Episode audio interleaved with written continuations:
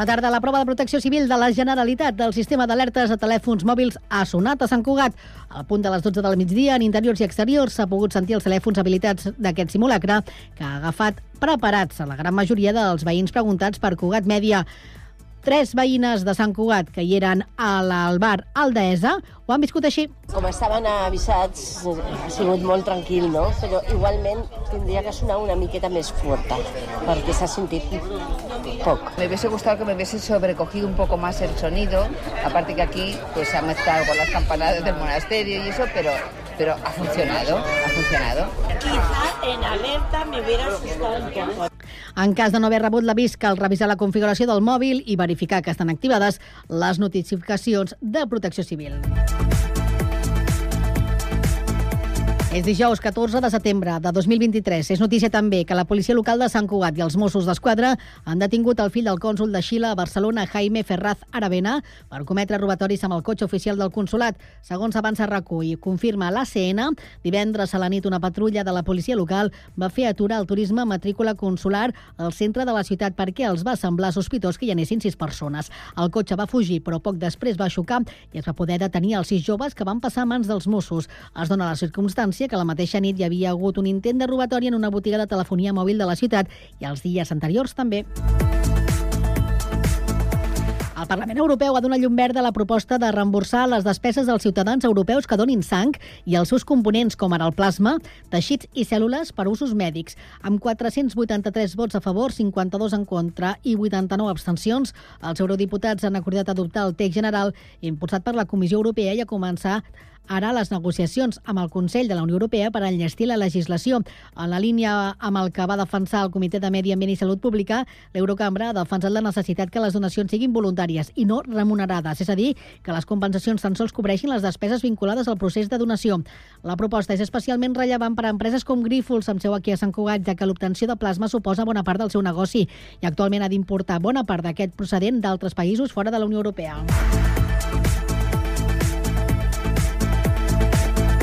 Mirant el cap de setmana, ja serà la primera jornada esportiva per a alguns equips santcugatencs que cerquen la primera victòria del nou curs 23-24. Per dissabte s'estrena el futbol amb el Sanco masculí i femení davant el Joanenc i el Girona respectivament. L'handbol Sant Cugat debuta també dissabte a la pista del Sant Joan d'Espí. Poden ampliar tota la informació esportiva a www.cugat.cat. Cugat Mèdia, la informació de referència a Sant Cugat. Alexa, Abre Radio San Cugat. Bienvenido a Radio San Cugat Cugat Media. ¿Qué quieres escuchar? ¿Radio en directo o el último boletín? Cugat Media estrena skill per poder escoltar Ràdio Sant Cugat des d'Alexa. Per exemple, l'actualitat de Sant Cugat. Alexa, pide a Radio San Cugat el último boletín. Escuchando el último boletín de Radio San Cugat. Cugat.cat Notícies. I també la ràdio en directe. Alexa, pide a Radio San Cugat la ràdio en directo. Escuchando en directo Radio San Cugat. L'artista local defineix la situació com a dura perquè... Ràdio Sant Cugat Cugat Mèdia, 91.5 FM, www.cugat.cat i ara també a través d'Alexa. La ràdio que necessites, ara més a prop teu.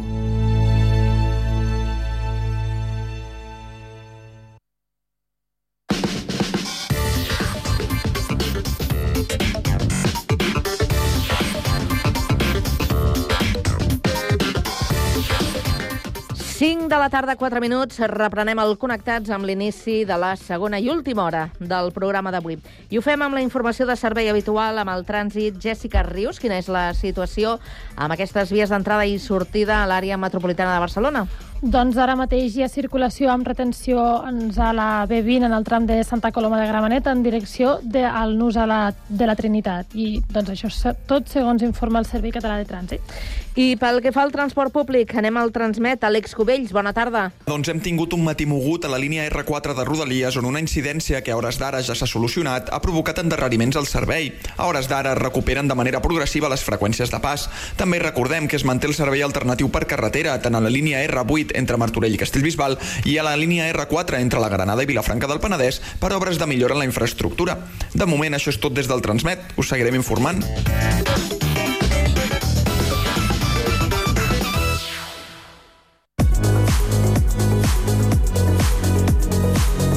tarda, de 4 a 6, Connectats. Una experiència radiofònica a Sabadell, Terrassa, Sant Cugat, Castellà, El Prat i Badalona.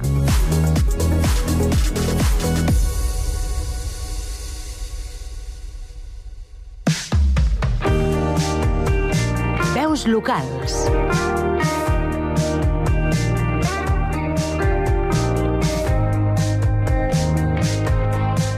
Els i les amants de l'Scrabble tenen una cita aquest diumenge al Prat amb motiu de la celebració del 17è Obert d'Scrabble al Prat. Una cita que està organitzada per l'associació Club Scrabble al Prat i que compta amb la col·laboració de la Federació Internacional d'Scrabble en català.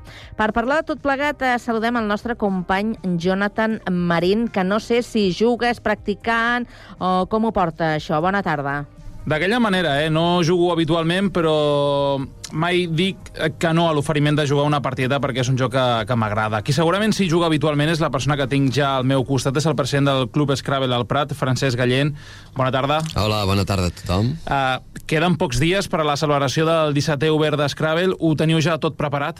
17 anys, ho tenim tot a punt.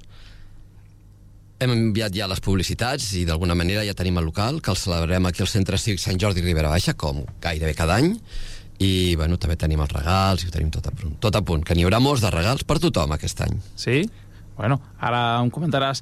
Però primer de tot m'agradaria preguntar-te com funciona un Obert d'Scrabble per qui no hagi participat mai. Bueno, un Obert d'Scrabble, ja ho diu la pròpia paraula, és obert. És obert a tothom. A tothom que vulgui venir a jugar. A partir de 14 anys poden venir a jugar recomanem que sàpiguen una mica les bases. Pensa que és un campionat i la gent vol anar a guanyar. Hi haurà gent experta que ve a jugar i a guanyar i a endur-se el primer premi. Perquè, a més, tenim un rànquing i aquest rànquing tothom vol estar dalt.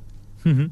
Perquè, com comentàvem a la portada, és un torneig que feu en col·laboració amb la Federació Internacional d'Escrava en Català, no? Correcte, la Federació. Això suposo que li dona un grau més, no?, de, de serietat, podríem dir, o? Diguem que el que fa és eh, complir els objectius que es vam mm, traçar amb el seu primer moment, que era anar creixent amb aquesta gran família que juguem a Scrabble en català.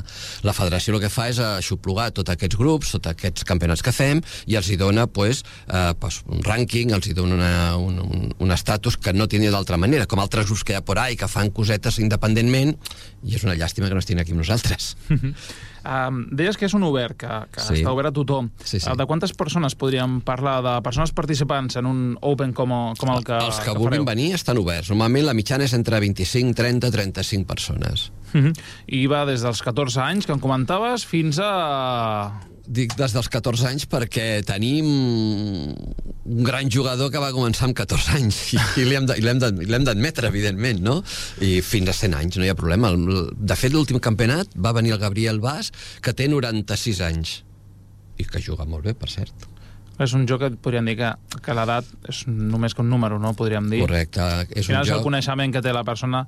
És un, és un joc obert a tothom i serveix per integrar, per donar a conèixer la llengua i sobretot per tenir la, ment, la ment molt oberta, sempre preparada per qualsevol cosa. Pensa que has d'estar estudiant. Sembla que anar a jugar i posar paraules és mm. molt senzill, que ho és, però has d'estudiar. Clar. Eh? Que, de fet, ara us diré que us he portat unes paraules noves que han incorporat els diccionaris aquests Ostres, dies. Eh? ara, ara les, les comentes. Um, hi ha algun requisit, per tant, per poder inscriure's? Cap. Cap, no? Aviam, que sàpiga jugar una mica, perquè ja no et podrem estar explicant com és les normes, com es juga, perquè, clar, farem sis partides, començarem a les 10 i quart del matí i hem d'acabar a les 7 i mitja de la, o 7.30 de la tarda, vull dir que d'alguna manera que vingui amb les bases preses. Eh? Explica'ns aquestes normes, a veure, quines són? Per fer-nos una idea de si Sí, sabem o no sí, sí. sabem jugar. Jo penso que sí que sé. Sí, però segur. potser ara em dius X normes i no me les sé. Això ho assimilo una mica com el tema dels escacs. Tots sabem jugar a escacs, jo jugo a escacs, però Sí. clar, si et poses amb algú que en sap una mica, de seguida ha fet- t'ha fet tres jugades i ja t'ha fet el jaque mate, no? I aquí nosaltres sí que aprenem una sèrie de paraules. De fet, us he portat un exemple que us els deixaré per aquí, Vale. però com a mínim has de saber les paraules de dues lletres més tòpiques i típiques que surten a l'escrable en català. De dues lletres. De dues lletres, que és molt important. Per exemple, tothom coneix que el sí i el no és vàlid, Sí, oi? són les primeres que m'han vingut al cap. Però el sa i el som ser trencada no? Mm. Aquestes les has de conèixer. També has de conèixer amb les X. Coneixes alguna de les lletres amb la X? Ara et posarem un compromís. Um, et diré... O sigui, la primera que em ve a la ment és ex. Correcte, tots tenim un ex a la nostra Sí, vida, no? això. La primera que em ve al cap és ex. Vale. Pues, per exemple, ex valdria, però tenim el xe, xe xiquet, el ix, de l'Ep Eixir de, a València, tenim el xo I tenim el Xa de Pèrsia. I aquestes cinc les has de conèixer, perquè recordem que dins de l'Scrabble tenim un tauler amb ja uns colors a cada casella. I clar, les caselles de color blau fosc multipliquen per 3 la lletra. És molt important col·locar bé la lletra X i fer 30 punts. I ara jo et diré un, una pregunta. Clar, per exemple, sí. tots hem jugat, que després t'ho anava a comentar, però t'ho comento ja, a les aplicacions, a la Palabrados i totes aquestes, no?, que una miqueta van per la línia de l'Scrabble. Aquí, molts, segura, jo almenys ho he fet, és de... No tinc ni idea quina paraula posar, vaig a provar aquesta si cola, i cola a vegades, a vegades sí, a vegades no. Um, clar, quan es juguen aquí partides presencials, mm -hmm. què passa si algú s'inventa una paraula... Bona, bona, mo, mira, aquesta és molt bona pregunta, que ens la fan sempre. Dins del món de l'esclar, quan tu estàs fent un campionat, evidentment, si algú et posa una paraula dolenta i tu no la impugnes, els jutges no poden dir que és dolenta. Vale. De fet, seguirà ja la paraula dolenta. Val? Procurem no donar-li premis, perquè qui es dedica a posar paraules dolentes no té premi. Això també ho fem en compte. Però, clar, si un se'n dona compte, pot impugnar la paraula i tenim un validador, que és el Leximots, on tenim aglutinats tots els diccionaris. El DIEC, l'Enciclopèdia Catalana, el DNV, que ens també ens va donar permís al valencià, i allà tenim totes les paraules i allà comprovem. És el validador, i allà, si es posa en verd, és vàlida, si es posa en vermell, no és vàlida. Molt important en aquest joc, verbs conjugats. Sobretot, conjugueu verbs. Del verb jugar podem fer 45 paraules, Clar. pràcticament. Eh? Sí, sí. Les partides, quina durada més o menys Mira, les tenen? partides estan programades a 25-30 minuts per cada jugador. Ha jugat dos jugadors, una hora solen durar les partides, Mhm. a sac complet. Explica'ns això de les paraules eh, noves que incorporeu enguany. Molt bé. Eh, cada any, Jonathan, els diccionaris donen sorpreses. En treuen unes, ens treuen els diacrítics, ens posen no sé què, ens treuen allò. Aquest any eh, sí que us en porto algunes que poden ser interessants. A veure, eh? a veure. Mira, anem a veure. Me les tinc que mirar perquè n'han posat bastantes i, i val més tenir en compte. Mireu, amb el tema del menjar ens n'han posat algunes que fins ara no existien. Molts hem sentit parlar del saltimboca, sobretot si veiem aquests programes de TV3 que parlen del menjar. Ens han posat balotina, crudités, botàriga i xifonada.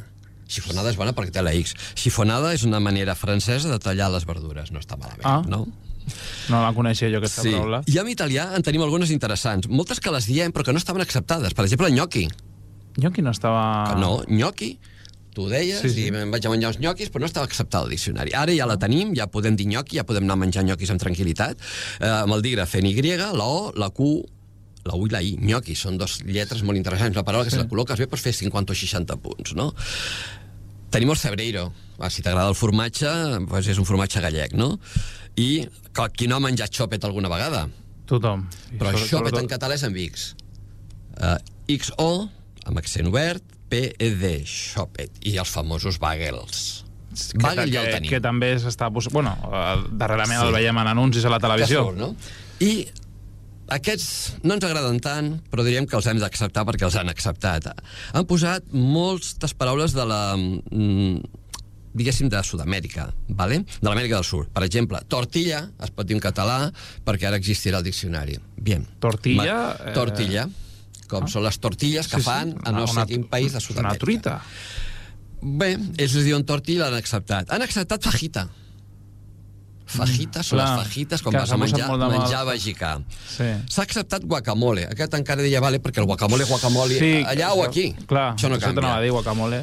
I el burrito, Moltes para- paraules culinàries, no? aquesta sí, però l'han acceptat al diccionari en català. És, diguéssim que, una transposició castellana directament al català, però les hem d'acceptar perquè ja li diuen burrito. Semblen tu...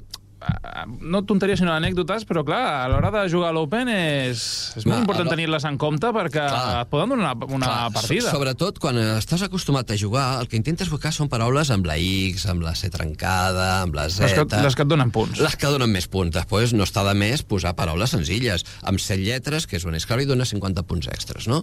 Mhm. Cada un té el seu llibre d'estil. No hi ha ningú que faci de la mateixa manera. Hi ha qui s'estudia verbs, hi ha qui s'estudia paraules de sis lletres acabades amb una seta determinada manera, hi ha qui es mira paraules que no tinguin o que tinguin l'H perquè l'H també dona molts punts. Bueno, Cada maestrillo con su cada librillo. maestrillo, ara ho dius tu, con su librillo, eh? Um, per aquest tema, t'anava a preguntar, Francesc. Sí. Um, la clau per ser un bon jugador d'Scrabble, quina és? Estudiar molt, Mira. mantenir la calma en certs moments, no? A vegades de Oh, no he caigut, Mira, no? aquest és molt important. Primer, un gran jugador ens va dir, primer, ser constant, ser constant, i en segon lloc, tenir paciència al joc. El joc sempre pot venir bé o pot venir malament. Quan un es queixa sempre de que no em venen lletres i tot em va malament, no pot ser. Mm. La sort va canviant. I abans deies alguna que volia aprofitar a dir, hi ha molts jocs a la xarxa avui en dia que es juguen amb lletres, ja sigui el Paralògic, ja sigui el Wordlet, tots. Tots aquests jocs predisposen a, a jugar a Scrabble. Per què? Perquè treballes amb un conjunt de paraules importantíssim, les busques, però després què fas amb elles? Les pots aplicar a aquest joc, que això és molt important. Mm -hmm. I sobretot és un joc de paciència, de combinació, encara que no ho sembli, i també d'estadístiques, de saber les que han sortit, les que poden quedar i les que pots fer. Uf. Sí, sí, sí, és un món, és un món, eh? Jonathan, és un món, eh? És complicat. Uh, parlem de, de la vostra entitat. Sí. Um, Explica'ns una mica, no? Um, quan i com va ser creada, com va sorgir. Mi, mireu, el Club Scrabble El Prat és el club més veterà d'aquest circuit. Va ser gràcies a Manuel Granados, que va ser el seu primer president, que va tenir la visió de que es havia de fer un club oficial i vam tenir la gran sort de que aquí al Prat, l'Ajuntament, sempre ha ajudat al club, sempre. No solament el club amb qüestions de partides d'adults, o de partides més aviat de campionats, sinó també amb el tema escolar, que és molt important. Penseu que el Prat va ser el primer ajuntament, va ser la llavor de que aquest moviment d'escabel escolar creixés a tots els països catalans. Mm -hmm. I actualment, quants membres sou? A la, Mira, a dins del club som uns 20 membres, tenim molts, molts amics i tenim molta gent. Fer membres i fer socis costa una mica. Clar. Dins de la federació en som molts més, som ja quasi 25 grups es- escampats per arreu de Catalunya, no? I amb simpatitzants i amb socis que porten també, clar. I com és el dia a dia de la- de l'entitat? Quina és la seva rutina? Uh, aviam, ja té una dinàmica de funcionament tot sol. Tenim un dia d'entrenament, que són els dimarts. Que això t'anava a preguntar. Entreneu? Feu entrenaments com el de futbol o el del bàsquet? Sí, sí, sí. Aprofito per dir-ho. Cada dimarts ens trobem a la, lla- al Centre Cívic Sant Jordi Ribera Baixa de 5 a 8.30 de la nit. Allà estem, pot venir qualsevol. Podrem jugar en català o en castellà. No, el Prat no deixa de ser un club bilingüe. Hi ha altres clubs que no són en català, amb aquest és bilingüe, i podem jugar amb els dos eh, idiomes. Allà el que fem no és demostrar que en sabem molt, és ajudar la gent que vol jugar. Primer, passar-nos-ho bé, ens hem de passar divertit. Però a més és divertit buscar paraules mm. i trobar combinacions inversemblants que mai et haguessis imaginat que això existia, no? I això et fa divertir, i això et fa créixer amb el joc, perquè vols anar creixent mica en mica, i sobretot passar-s'ho bé. Després, el que vulgui anar a un campionat o vulgui anar amb alguna cosa més eh, a profunditat... Més professional, no? Pues professional, escolta, eh, es fan 14 campionats a l'any, eh? vull dir que déu-n'hi-do, eh? Mm -hmm. Llavors, un entrenament com és? Doncs mira, un entrenament sempre, primer, el que fem és que la gent comenci a jugar, però deixem aquest full al costat, aquest full que és com la nostra xuleta, o bistec en Mm. català, no sé com dir-ho. Eh? I aquí teniu les paraules de dos i de tres. Això sempre ajuda a que tu, quan estàs jugant, hi ha moments de col·lapse, perquè, bueno, tu et poses allà a jugar i el de davant et posa... No, I no saps com ben bé com, com, com, com lligar totes aquelles paraules. I això t'ajuda a seguir jugant. Els expliquem formes de combinació i formes de tenir un faristol equilibrat, molt important. Català és un idioma que amb diverses vocals pots fer moltes paraules. Hi ha un verb, que és el famós verb oir, Mm. que pots fer amb una sola consonant, pots fer una paraula, oiríeu, i només hi ha una R allà al mig. Déu nhi Sí, sí, no, no. no? Tot això es va ajudant i es va fent el dia a dia, eh? I pel que fa a la, la temporada o els reptes que es marca l'entitat, quins sí, són? és mantenir els campionats que estem fent, paral·lelament seguir treballant a les escoles com estem fent aquí al Prat, que fem els tallers per les grans finals que fem escolars al mes de maig, no? i seguir d'alguna manera promocionant aquest joc, que és una manera de promocionar també la llengua. Perquè la temporada d'Scrabble Comença al setembre, comença ara, no? Sí, sí, ara, ara amb- comencem. Com l'inici del de curs fet, escolar. De fet, el Prat inaugura el que és el campionat de la Federació Internacional d'Escable en Català. És el primer campionat que fem. I s'allarga fins... Fins al juny. eh, L'últim campionat el fem cap allà al maig, juny, de campionat. Més o menys eh, com el curs escolar, no? Com Podríem dir que escolar. funcioneu? Sí, perquè cada mes tenim una població on fem campionats de la federació. També hem de parlar d'un joc que heu posat en marxa fa sis mesos, el Catamots. A veure, explica'ns de què va això. Bueno, sí, Jonathan, sí. El joc ja fa més anys que funciona. Només el teníem per ordinador, però ara l'hem posat ja als mòbils i a les tauletes. Ho hem posat molt fàcil, és gratuït i sense anuncis. Molt fàcil, Això- us podeu baixar l'aplicació i podeu començar a jugar amb tres clics en català. Teniu les partides ràpides i les partides normals. I és un joc que us ajudarà mm, igual que tenim el Leximots, que és el nostre diccionari oficial, que té quatre funcions, mm. validador, anagramador, eh, constructor de paraules, que això va molt bé pel parològic, ara que no ens sent ningú, va molt bé. uh, aquest joc que tenim a la xarxa uh, està, no té gaires brilli-brilli, és un joc per jugar, i és un joc per jugar als que els agrada jugar a l'Escrave, us anirà molt bé també per entrenar, perquè podeu entrenar sols, no necessiteu ningú. Dir que també serveix... Clar, podeu entrenar, i allà, allà si posa una paraula dolenta us la tirarà enrere, i us ho dirà, aquesta paraula no és vàlida. Ho fem així perquè també, sobretot pels escolars, no? perquè ells també estan entrenant, i han de veure que les paraules no vàlides no es poden posar, han de ser les vàlides i ara estem preparant fer alguna funció menys que hem d'afegir, que ens l'afegirem durant els pròxims dos mesos, per millorar una mica millor aquesta, aquest element, aquesta app que tenim, gratuïta i sense anuncis. Repeteixo, gratuïta i sense anuncis. La tastarem aquí a la, a la ràdio ara quan, quan surti de l'entrevista. Perfecte. Francesc, moltes gràcies per apropar-te aquí al Connectats per apropar-nos a aquest Open, que esperem que vagi molt bé, que segur que anirà molt bé, perquè ja són 17 edicions, per tant, això significa que les coses es fan bé, i va bé, i t'esperem una altra vegada aquí al Connectats. Pues aquí estarem, gràcies per atendre'ns i per permetre'm estar amb vosaltres. Que vagi molt bé, molt bona tarda. Gràcies, Jonathan, gràcies.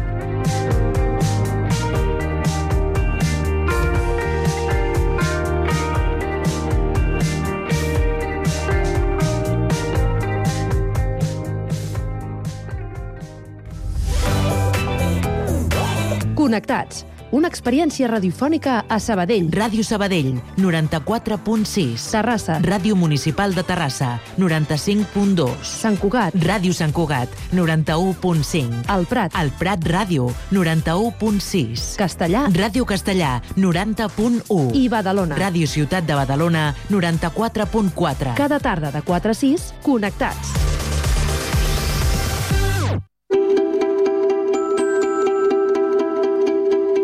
Connecta't al patrimoni.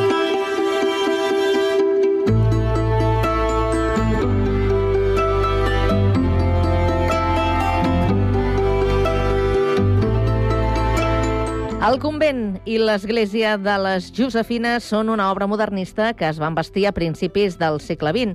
Per conèixer més de prop aquests edificis, avui parlem amb en Santi Rius, que és el creador del blog Records de Terrassa. Santi, bona tarda. Hola, molt bona tarda.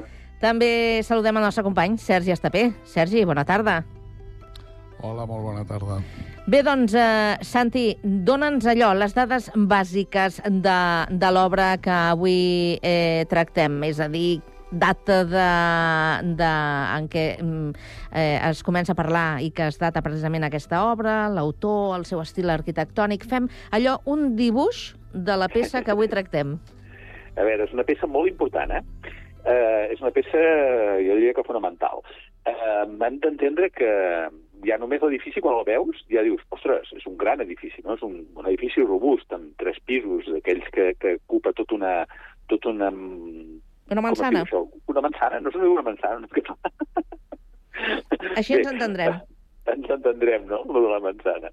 Ja segur que ara ens, ens diran de tot la gent, eh, el dir aquesta paraula, però bé, en tot cas, una illa, em sembla, que es diu de cases, no? També. Sí. Bé, doncs aquesta, aquesta illa està ocupada per un, uh, per un edifici fantàstic que en aquest moment doncs, uh, el coneixem com el, el convent, l'església de les Josefines, però que antigament era coneguda com la casa del malalt, ja que l'activitat bàsica d'aquestes germanes josefines que venien de Girona i que es van instal·lar a Terrassa i ens haurien de situar l'any 1878, i a més a més, no per pròpia voluntat, sinó per interès del mateix Ajuntament, que volia que vinguessin aquestes, aquestes, eh, aquestes diguem-ne, doncs, eh, germanes, mm. per fer-se eh, càrrec de la cura dels malalts de la ciutat. O sigui que era d'una cosa doncs, que la ciutat tenia aquesta necessitat i van demanar a aquestes germanes si podien venir a Terrassa. Això estem parlant de l'any 1878. Però l'edifici no és d'aquesta època, és posterior. Doncs aquest edifici, quan el van vestir per, per fer aquest convent, el van vestir entre l'any 1900 i l'any 1906. I qui era l'arquitecte aquell moment a Terrassa l'any 1900-1906? Doncs el cèlebre Lluís Monconill i Parellada. De manera que tenim un edifici fantàstic, a més a més, obra del nostre arquitecte modernista Lluís Monconill. Si bé la gent es pensa que podria ser un edifici típic del modernisme, bé, no del tot hauríem de, de posar dintre del que és l'apartat la, d'estil modernista historicista. O sigui, diguem-ne que té elements eh, típics del modernisme, però també típics del moviment historicista. I us dic que és fonamental dar-lo veure perquè alguns dels elements de l'edifici, que, que ja ho comentarem, us recordaran la, els arcs de la Masia Freixa.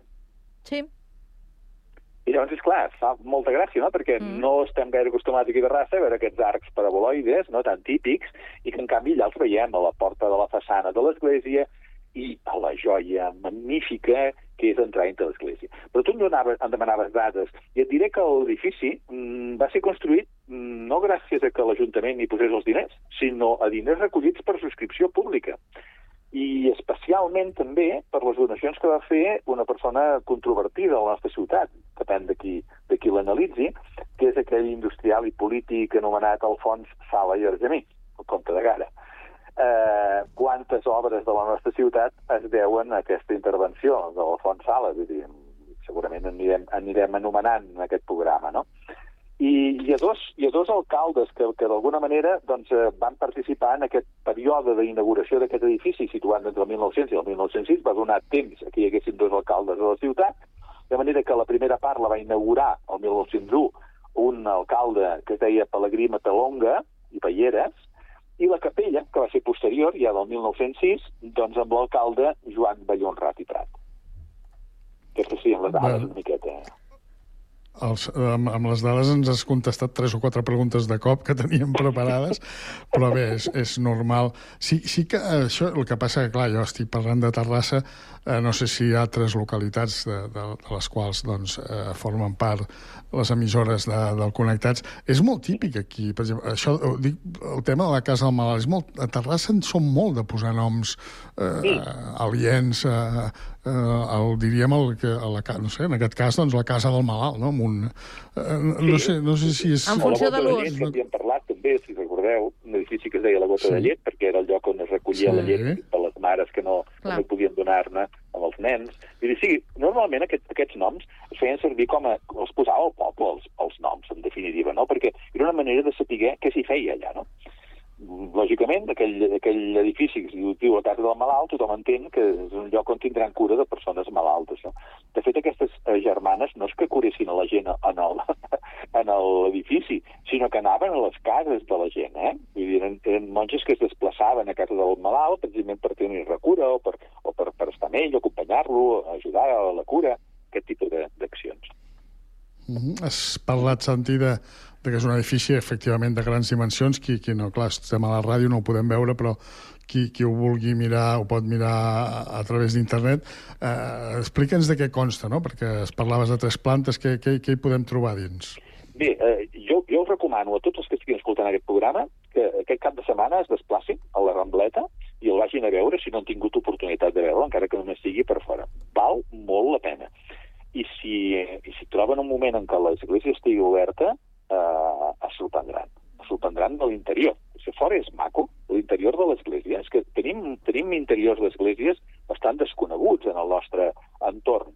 Jo diria que aquesta és una, és un gran, una gran església desconeguda, modernista, a l'interior, i l'altra és la del Sanatori de Torrebonica, el, una altra església que la gent no coneix o que hi ha estat poca gent i que quan entres dintre dius, uau, qualsevol lloc del món ple de visites i de, i de, i de turistes admirant l'interior d'aquesta església i la, i la de i la de Torrebonica, i en canvi doncs, sembla que les tinguem com una miqueta amagades, no? o sembla mentida que, que, que les, eh, bueno, potser una miqueta menys tingudes, potser seria la paraula exacta, no? És molt bonic. Eh, l'edifici, bàsicament seria l'apartat doncs, de, de, del propi convent, que avui en dia també té serveis de, assistencials per, com, a, com a residència de persones de, de la tercera edat i que, i que jo vaig visitar fa uns anys, quan encara estava viva la meva mare, perquè la meva mare tenia la mania sempre que deia jo quan sigui gran, on vull anar és a les Josefines. Diu, perquè he tingut tracte millor que, que les monges. Era una mena de, de cosa que sempre me recordo, aquesta cantinela. I un dia vam anar-hi amb la mare i, i bé, vaig veure'l per dintre, que està, està ben habilitat, i sobretot una cosa que crida molt l'atenció quan entres dintre és que sembla que tot sigui un edifici, que sigui una cosa com una mena de, de castell. I en canvi dintre, a dintre hi ha uns patis, hi ha unes zona d'horts, de jardí, està molt ben pensat. Vull dir, mm, reuneix la part, la part doncs, de constructiva, però també la, la, la, la, la, les, la part de lleure, la part doncs, de, de, més, de més de natura, també tocant a, a l'edifici. No? Eh, tenim un edifici fantàstic, tenim un edifici eh, construït amb, amb, amb pedra d'aquesta que, que, que, que dona aquesta, aquesta fortalesa. Eh, tenim uns arcs molt macos que, que val la pena admirar-los, realment. Eh, molt, es- molt, molt, ja us dic que són aquests arcs típics paraloides del, del Gaudí, no? que tots, tots l'associem al Gaudí, però que els veiem a la, a la Masia Freixa. Eh, mireu sobretot a la portada de l'entrada de l'església. Recomano molt que us fixeu que a dalt del, del, del, de, la, de la portada hi ha un, ro- hi ha un rosetó, un rosetó també amb elements de vidre eh, modernistes, i una, una, d'això, una figura amb un plafó ceràmic que representa doncs, la típica Sagrada Família, no? que també és, potser és l'únic element així eh, figu- figuratiu que hi ha en l'edifici, però que val la pena admirar-lo. La, la capella eh, va tenir funcions diverses, no? Bueno, la, cap- sí, la, la capella, evi- evidentment, ha tingut eh, funcions eh, diferents. De fet, eh, a veure, mm, mm, tenim a dintre del temple uns finestrals també, que, que, que és molt maco de veure'ls un cop dintre de la... De la ja sabeu que els finestrals i, el, i les, els vidriats sempre s'han de veure de dintre cap a fora, és la manera de que la llum ens els ensenya, no? Eh, hi ha una cosa mm, que el, hi ha gent que ho ha vist i que eh, durant la, durant la setmana de la, del, diguem del modernista d'aquí a Terrassa em sembla que es fa una visita que és en una mena com de sòtano que hi ha a sota de la, de la capella i que es baixa per unes escales que sembla com una, com una magatall. I la veritat és que és el, penso que és l'únic eh, refugi de la Guerra Civil que es conserva i que es pot visitar. O sigui, a Terrassa, quan va haver la Guerra Civil, es van decidir construir una sèrie de refugis per si era bombardejada. Se'n van projectar bastants. Eh, se'n van executar ben poquets. I de l'únic que, que en aquest moment és visitable i que és accessible i que hi podem entrar sense dificultats és aquest. El Estem parlant de Catalunya, no, Santi? Perdó? Que, dic que parlem de Catalunya. Quan Sí, parlem perdó. de l'únic refugi... No, t'ho dic No, no, perquè no, no. eh, la resta... No? De, de, refu de refugis eh, eh, de, de la Guerra Civil n'hi ha diversos a Catalunya. Val. Sí, sí, sí, sí. Eh, Dic a Terrassa. Terrassa l'únic que queda, que es pugui visitar, que Correcte. sigui accessible, Sí, sí, que sí, puguis sí, sí. entrar, és aquest. Eh, N'hi havia hagut, mm, i n'hi ha encara restes d'aquests refugis, eh, per exemple, als Escolapis o a la plaça a la plaça de, la Inde- de, a la plaça d'Independència, eh, però no són accessibles, no hi pots entrar-hi, no, Mm. no són visitables. I en canvi aquests sí. I et fa com una mena de cosa, eh, quan hi entres, perquè, clar, t'imagines, no?, que, que eh, aquests, aquests refugis no van ser utilitzats. Terrassa no va ser bombardejada. Va ser bombardejat el, algun camí d'accés a, a Terrassa, per exemple, venint de Mata de Pere, o, però a Terrassa com a tal no hi va haver-hi un bombardeig, de manera que no hi va haver-hi la, la possibilitat de que la gent anés a amagar-se en aquests refugis. Però t'imagines la gent que realment s'ha hagut d'amagar en un refugi, aquella, aquella foscor, aquella, aquell lloc doncs, doncs amagat, passar-hi passar unes hores allà dintre, et fa pensar, no? Et fa Quina, pensar quina capacitat creus que té, Santi? Ostres, això sí que no t'ho puc dir-ho. Però no massa gran, eh? No és crec massa que gran. Dintre... No, no és massa gran. No sé què hi deuen cabre dintre. Suposo que apretats hi cap molta més gent, no? Però que posem 500 persones o 300, no sé, Mm. una cosa així. Sí, sí. La veritat és que estem parlant eh, d'una construcció que, que fa patxoca, perquè tu ja comentaves, Santi, al principi, que això ocupa tota una illa de, de cases, per tant, sí. imaginem un gran edifici, i a més, aquest aspecte que té eh, eh, la construcció feta eh, com d'obra vista, podríem dir que li dona allò com una solidesa, no? Una, mm, eh, aquí, aquí estic jo, no? Que... Sembla com un castell, eh? Sí. A, a les parets. Dóna la sensació que és com una mena de, de, de castell, Sí. amb, la, amb la pedra vista, precisament, no? I, i, i com simulant una, unes pedres com, com, com si fossin eh, eh, enganxades, no? unes amb les altres. És, és, un, és un recurs arquitectònic, eh? perquè no és, evidentment, un castell ni està construït així, però dona aquesta sensació. I és, eh, és bonic, eh? és, que, és que realment és maco. El que passa és que, com que passem, moltes vegades passem per davant d'aquests edificis i no li donem la importància que tenen, per això crec que és molt bo el vostre programa, precisament per destacar això, no?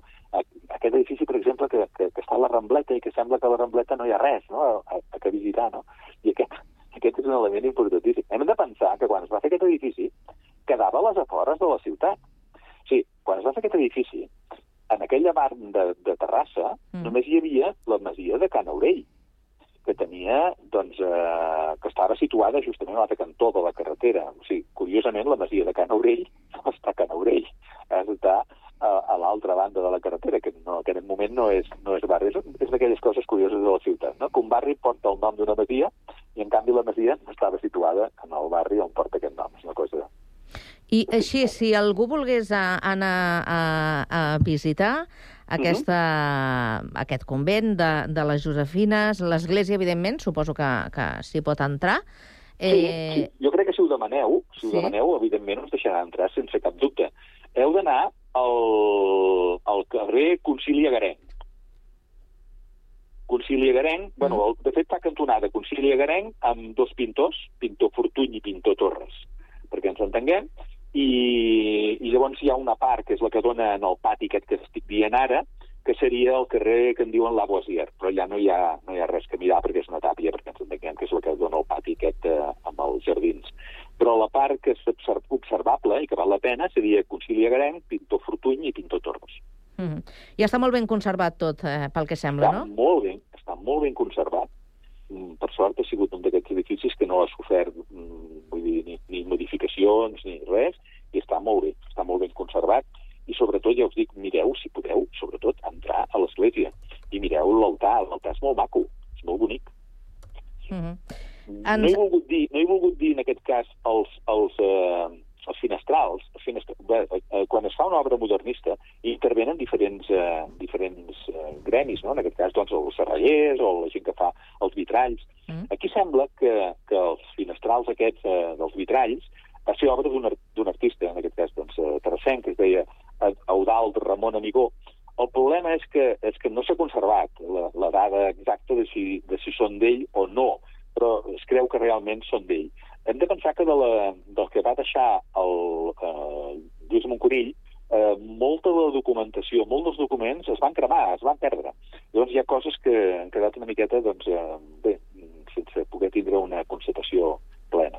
Mm -hmm.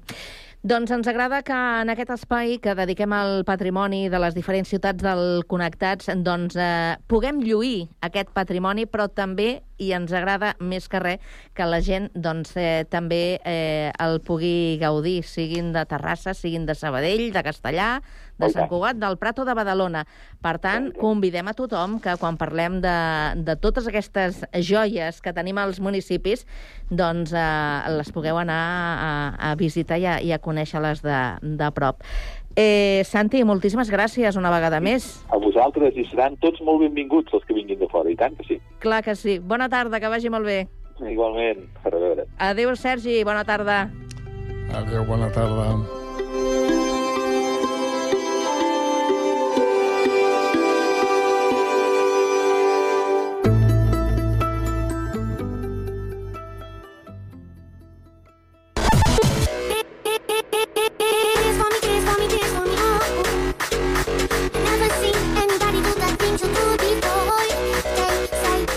Connectats, una experiència radiofònica a Sabadell, Terrassa, Sant Cugat, El Prat, Castellà i Badalona.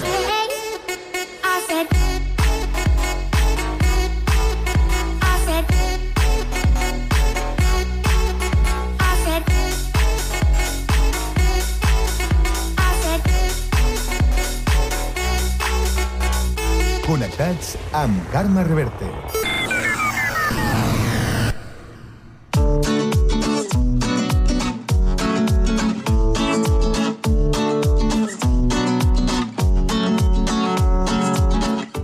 Soc la Dúnia Pellissa i us vinc a recomanar el Prat Nocturn. Que què és el Prat Nocturn? Són accions teatralitzades a peu de carrer on expliquem la història del Prat gràcies a l'Arxiu Municipal i la companyia de teatre Cadix. Les entrades surten del matí a les 10 i això es farà la setmana vinent, dilluns, dimarts, dimecres i dijous a les 8 i mitja i a les 10. No us ho podeu perdre.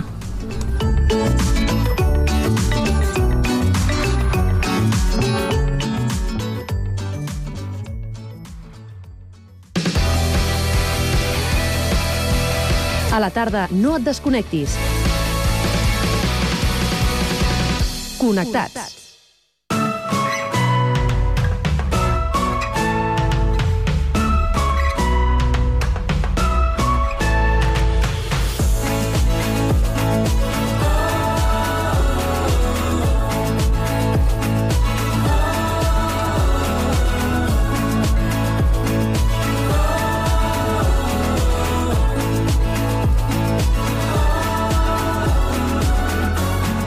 En el tram final del Connectats d'avui tornem a Castellà per parlar amb les dames del crim que arriben amb moltes novetats. Han llegit molt durant aquest estiu, per exemple, els autors Ivonne Martín i Luis Penny. I a més, estrenen aquesta temporada un podcast. Parlem de novel·la negra amb Rocío Gómez i Lídia Urrutia. Bona tarda, dames. Bona tarda. Hola, bona tarda. Què, Què tal, tal, Lídia? Com ha anat l'estiu? Pues doncs molt bé, tot i que començaré vacances a setembre, eh? He tingut un estiu bueno, molt bo, amb molta calor com tothom. Ara acabem de passar la festa major aquí a Castellà I ara, del Vallès exacte, sí, i sí. estem cansats, eh? I ara tu t'agafes les vacances, I dius, ara ens a finals de, de setembre. Sí, a mitats, a mitats. Molt bé. I la Carme, què? Deu haver fet vacances ja aquesta bona Doncs dona? ara, ara que ens ho expliqui, Ara ara, li, ara li preguntarem, però jo sé que a, a tu a l'estiu t'agrada moltíssim llegir, però aquest estiu has tingut molta feina perquè comences una aventura nova aquí a Ràdio Castellà, que també compartirem a xarxes socials, a l'espai de podcast, Sí. i és que has dit, no n'hi ha prou amb la secció de Connectats de les Dames del Crim, que faré un podcast. Com és això? Bueno, m'han entabanat una mica, sí? vols dir? Però bueno, un es deixa entabanar, perquè són coses que, com que les disfrutes, doncs penso que val la pena aprofitar aquest moment, no? Bueno, el podcast, com no? Les dames que- del crim continuaran doncs, parlant de, de novel·la negra, policíaca. El que passa que serà un espai, crec que durarà una mitja hora, Mhm. i el que farem serà també entrevistar a diferents eh, persones, com pot ser doncs, un escritor, eh, un historiador, perquè de fet ara estem treballant també bastant la novel·la històrica negra, la policíaca, també els editors, per què no un llibreter? És a dir, donar una mica de, de, de, de ventall en, aquesta, en, aquesta, en aquest tipus de, de lectura i, i de fet tot el que ens càpiga dintre d'aquest eh, gran sac ple de foscor, lo millor també parlem d'algun festival, eh? perquè... Però és a dir, serà obert, no serà una cosa només de castellà, no serà local, sinó que teniu un, la vocació que sigui un podcast per tothom, per tota Catalunya. Sí, sí. bueno, és clar que arribi tot arreu, vull dir, perquè de vegades quan anem a algun festival que és menut, doncs com pot ser les Borges Negres, no? que dius, oi, allà, doncs per què no? O, o Tiana, o Vilassar, o... és igual, no? Això en quant als festivals. Però després penso que també al mateix poble tenim llibreters, no? Gent que pot ser molt interessant de que ens parlin de les seves experiències, com quan entra doncs, un lector, un lletre ferit per la porta, doncs a veure, què li diran, què voldrà, què li vendran, no? Bueno, i aleshores, doncs, mm, eh, sí que és veritat que hem fet com una banda sonora, t'ho explico una mica així, sí. que sempre serà la mateixa, però llavors, depenent de lo que presentem, de novel·la, eh, mm, busquem també quina relació té amb la música, fins i tot quina relació pot tindre posant pel cas que sigui una pel·lícula. I després, eh, quan entrevistem en el, en el personatge, eh, depèn del que ens parli, també adequarem alguna música. Quina feinada, eh? Bueno, tu, però eh, sobretot és que, mm, per exemple, en aquest primer podcast que ara no puc dir, ja es dirà, no? O ho puc dir? Home, no sé. això ets tu. Tu ets, ets uh, Mira, a mi fa molta il·lusió. No, gens, gens. Doncs va, això hem de dir que s'estrenarà a l'octubre a través de Ràdio Castellà, l'actual.cat, també a, a l'espai de podcast, xarxes socials, uh Mhm. -huh. allà ho trobareu. Potser ens podries explicar qui serà el primer convidat. El primer convidat serà un historiador que és el Josep Lluís Martín Berbois. Aquest xicot és un xicot sabadellenc, és doctor en història i és eh, un expert del cercle Holmes, de Sherlock Holmes Ai, de Barcelona. m'encanta, ho saps, eh? Sí, és, és fantàstic, és fantàstic. I com que la novel·la que tocarem eh, és una novel·la històrica, històrica, detectivesca, filosòfica, Uh -huh. eh, passa que em sap greu dir el nom, perquè saps què he fet? A veure, estàs fent... Això ho fan molt a, a, amb les sèries, eh? Quan les estrenen, eh, estàs Clar. fent un hype. A, a un hype, doncs va, un hype. Mira, mm, he posat una música que d'entrada els oients hauran d'endevinar. No ho sé si l'endevinaran o no l'endevinaran, però bueno, jo d'entrada la posaré i llavors donaré per entès que hi haurà molta gent que l'haurà endevinat, perquè el que sí puc dir que és un llibre que s'ha fet en pel·lícula. I aleshores, clar, hi ha una banda sonora fantàstica. Ostres, ara m'estàs fent sí, dentetes, sí, sí, eh? Sí, dentetes, sí, sí, dentetes. Sí, I, I bé, això seran 40 segons i a partir d'aquí doncs, farem, farem doncs, la, la, la, primer un cos del programa, doncs, mm. parlant d'aquest llibre, evidentment. A més, em, també hem de tenir en compte que l'he llegit dues vegades, doncs, perquè és un llibre que fa molts anys que el vaig llegir I aleshores l'he tornat a rellegir perquè penso que val la pena, li veus altres coses, no? I després ja entrarem al cap d'un quart d'hora, deu minuts, un quart, mm -hmm. i ja entrem directament amb el personatge Molt bé. invitat. Doncs uh, té molt bona pinta. Us direu també les dames del crim a, en, Igual. en el podcast, eh? Sí, igual, perquè, a veure, per exemple, avui la Montse no ha pogut venir per situacions mils que tenim nosaltres mm -hmm. la Mhm. vida quotidiana, Les dames tenen una vida... Però, ah, exacte. Molt ocupada. Ah, exacte. I aleshores sí que justament m'ha trucat abans d'entrar, eh, bueno, donant-me molta sort, no? Diu, va, Lídia, que sortirà molt bé, Clar. que ens fa molta il·lusió, però vindrà, no s'ho deixarà perdre pas, eh? Home, és que les dames tenen col·laboradores, eh? és a dir, els crims no es fan sols. Per tant, de tant en no. tant aniran passant per aquí pel programa, pels estudis de Ràdio Castellà. Com dèiem, a l'octubre s'esprena aquest nou podcast, una sí. producció molt i molt interessant que, doncs, que ja ens aniràs explicant esperem. quan, quan exacte. vinguis al programa. En tot cas, aquest estiu et deia que això. has tingut molta feina perquè t'estaves eh, preparant per l'estrena del podcast, però crec que també has llegit molt. Mira, tu saps que sempre vinc carregada de llibres. I, de fet, ara, ara faré una foto, perquè, és clar, Clar. vens un, dos, tres, quatre, cinc.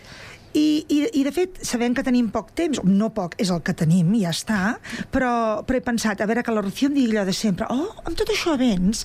Bé... I bon Martín, aquest ja l'has portat alguna vegada, aquest Home, autor? clar, és que aquest, aquest és el tercer que tenim. I llavors, de fet, era pel que volia començar, perquè molta gent el deu conèixer de les dues anteriors, però com sempre tenim una ancestero, que és la que, la, el sotoficial, doncs que sotsoficial, que és la que porta tot el tema del cas, i és un thriller policíac. Dir també que sí que és veritat que no cal haver llegit les dues anteriors. Eh? Vull dir que entrem directament en el ladrón de rostros i sí que puc dir que tinc una parella, uns amics, que se'n van anar cap, a, cap al nord. Ah, sí? I, escolta, es van trobar de pet amb aquest monestir que hi ha aquí a, a Oñati, a Guipúscoa, i ells ja havien llegit el llibre. I diu que es van quedar com esgarrifats de la, de la imatge, de l'arquitectura que té aquest, aquest edifici, i després, eh, tot això és perquè apareix un cadàver amb una... mm, És una cova, però més el cadàver apareix eviscerat, apareix dintre d'una espècie de, de banyera de pedra. I, i, i a més a més en aquesta cova se li atribueixen mm, fets miraculosos, és a dir, a tu et costa estar embarassada. Doncs bé, te'n vas cap allà, fas tot un ritual amb aquelles aigües i se suposa que et quedaràs embarassada. Bueno, doncs, ells, per exemple, quan hi van anar, van veure aquesta pila, que és com una pila baut- bautismal a terra, mm. molt, molt gran, i, i van veure, de fet, el, el, el, això, la, la cova, no? Aquesta cova es diu la cova de Sandali, que si algú li interessa i vol entrar a internet i fer una mica de, de búsqueda, mm. veurà les fotos perquè re- realment és molt, molt bonic. És una història una mica pertorbadora, perquè l'Ivon ja ens ho fa, això. Sí. Eh? Que, i, I, de fet, ell sap crear aquestes atmosferes ombrívoles, no? Uh, mm, sí, ombrívoles. Després aquí també inclou una persona, que una, una, un narrador, que és el propi assassí. A més, et costa molt, eh, de, de dir, a veure, serà aquest, serà l'altre, no? Perquè, és clar estem parlant de pobles tanqui, tan, molt petits, tancats, que es coneixen És un entre autor que ells. juga a enredar-te una mica o no? Mm, Sí. Et fa pensar en diverses persones, eh? És que això també ho té ell, eh? A més, li treu el suc... Tu ja saps que en vam parlar l'altra vegada, que ell fa guies de viatge, sobretot Mhm. aquesta zona que ell coneix tant, perquè és d'allà. Clar, llavors ell gaudeix molt explicant-te els paisatges, explicant-te coses que busques.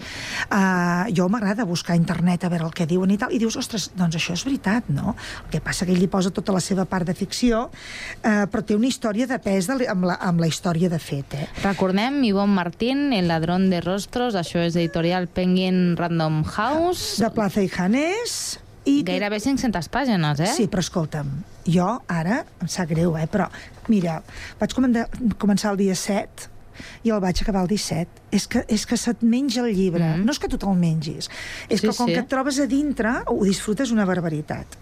I a més, li sap treure que això, tot això, tot Molt bé, també és que molt interessant això que dius, que no cal llegir les, No. les dues anteriors, sinó que podem començar Sí. amb aquesta. Què El passa? Que és fàcil de- que si el llegeixes diguis vull saber alguna cosa més Clar. i t'enganxes a escriure una. Ai, és que a, a llegir una País altra. Basc, misteris, eh, drama sobrenatural una mica pel que deies, no? Amb aquest ambient màgic i misteriós. Aquest, exacte, ambient màgic misteriós que el, el propi narrador en aquí s'aprofita, perquè després ja l'assassí, que aquest sí que el podem tocar, que és de carn i os, si ho assassina.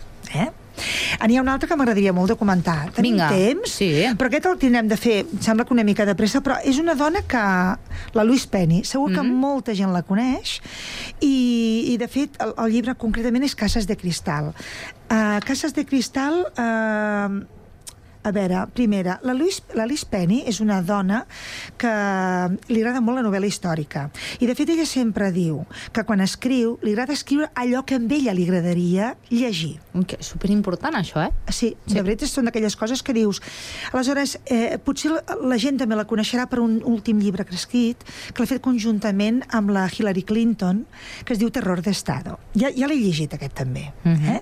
Però és un thriller, aquest sí que realment és un thriller, i escolta, també, està molt bé. Però bueno, parlant de Cases de Cristal, aquí pot ser que la gent hagi vist una sèrie que surt a televisió del, del com se diu, d'aquest poble que es diu Trepines, que està al sud és de Canadà, que és un poble fictici, on ella viu molt a prop, eh, i, i, i s'ha inspirat amb això. I llavors aquí hi ha un inspector que és l'Armand Gamache. Armand Gamache és, un, és de la- de la Sûreté de Quebec, i Armand Gamache és un, és un personatge que ella es va inspirar amb el seu marit, que de fet el seu marit eh, va morir i ella va tenir en aquests moments doncs, un enfonsament emocional molt fort, però bueno, suposo que l'entorn i tota la gent la, la van ajudar a tirar endavant i perquè ella volia jubilar en l'Armand Gamage. Eh? Però en aquest poble de, de Tripines, que és un poble on trobarem molts personatges diferents, amb molts orígens diferents, mm, des d'una psicòloga, una llibretera, a una poetesa... Mm, és un poble petit que tothom es coneix, però sempre sempre hi passa alguna cosa. Aleshores, a la sèrie, qui ho hagi vist, sobretot, no té res a veure amb el llibre. És a dir, no s'inspira en cap novel·la. I per mi, penso que és molt important llegir el llibre, perquè et dona molta, mm, molta, mm, molta imaginació, perquè els personatges estan també molt ben descrits. I en aquest cas, en Cases de Cristal, figura un home que està emmascarat, com te diria, saps el cobrador del frac? Sí. Bueno, doncs ara imagina't que és un poble menut i que la plaça major, la central del poble, perquè el poble està distribuït, representa quasi bé eh, a l'entorn d'aquesta plaça, hi ha un personatge tampoc vull dir home o dona, un personatge encaputxat, vestit de negre, fins al terra. Cada vegada que dius, no vull dir home o dona, penso que és dona. Sí, doncs no, no té per què ser.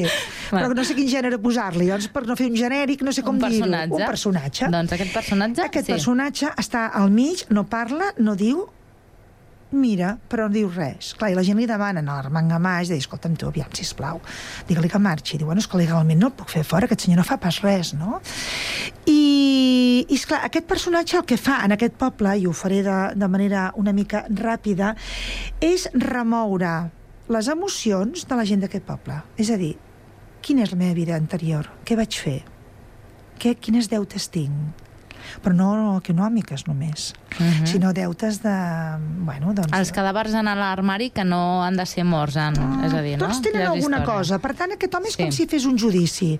És a dir, és com si eh, et posessis... Mm, la gent s'ha set jutjada per allò Mhm. que té a la seva vida anterior i en paral·lel, mentre aquest, home, aquest, aquest personatge està eh, en el poble, com que l'Armand Gamaix ha fet una, ha tingut una acció, ha fet un, una cosa que no és gaire correcta, eh, hi ha un judici i li fan un judici a l'Armand Gamaix. Per tant, tenim dos moments temporals.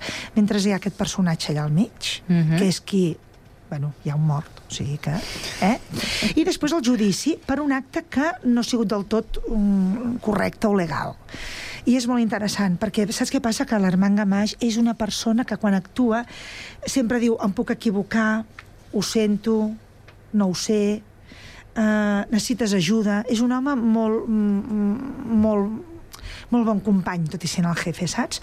I llavors amb el judici, doncs estem amb el mateix. I llavors vas veient com va evolucionant i com acaba. De fet, en aquest llibre és trepidant al final, eh? Trepidant.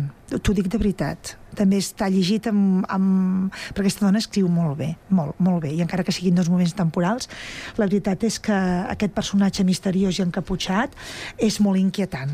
Sé que t'havies preparat més llibres, però Sí. què ens passa a les dames que parlem molt i, i se'ns acaba el temps, mira. però els podem, si vols, els podem guardar per un altre dia Sí. i així els fem amb tranquil·litat. Jo només diré dos títols i no diré res més perquè vegin que també llejo altres coses. Vinga. Que és La promesa de Damon Calgut, que m'ha agradat una barbaritat, no té res a veure amb el que Quin gènere és? És una narrativa, és narrativa, vull dir, és, és, és una novel·la d'una generació que des de... Bueno, és una novel·la, en realitat. Aquest sí que és una narrativa, el Tinc un coll que fa pena, de la Nora Ephron, que va morir l'any 12, em sembla. Però aquest no, aquest és una novel·la, i llavors és una bueno, podríem dir que és una saga familiar molt interessant.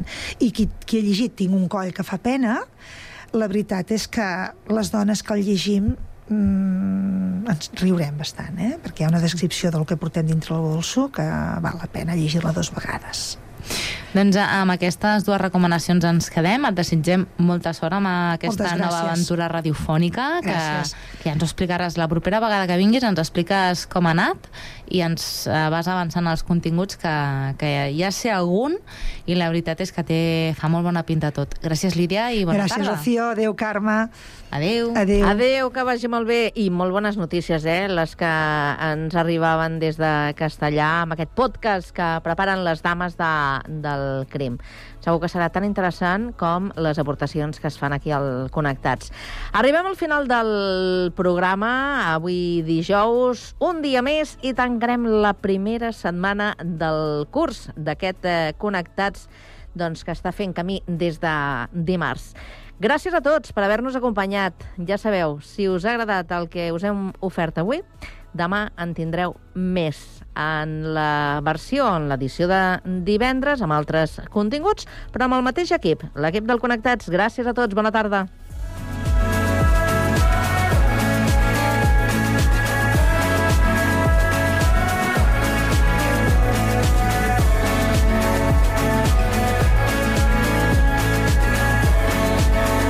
Connectats amb Carme Reverte.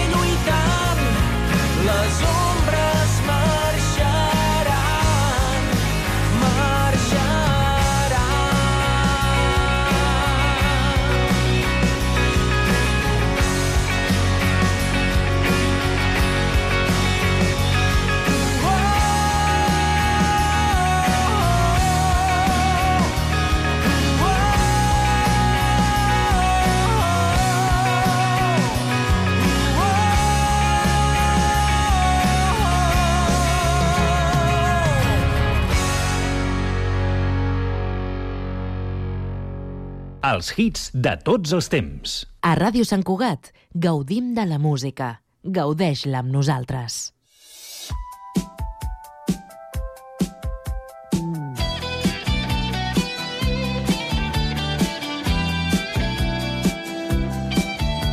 I never believed in things that I couldn't see. I said if I can't feel it, then how could it be?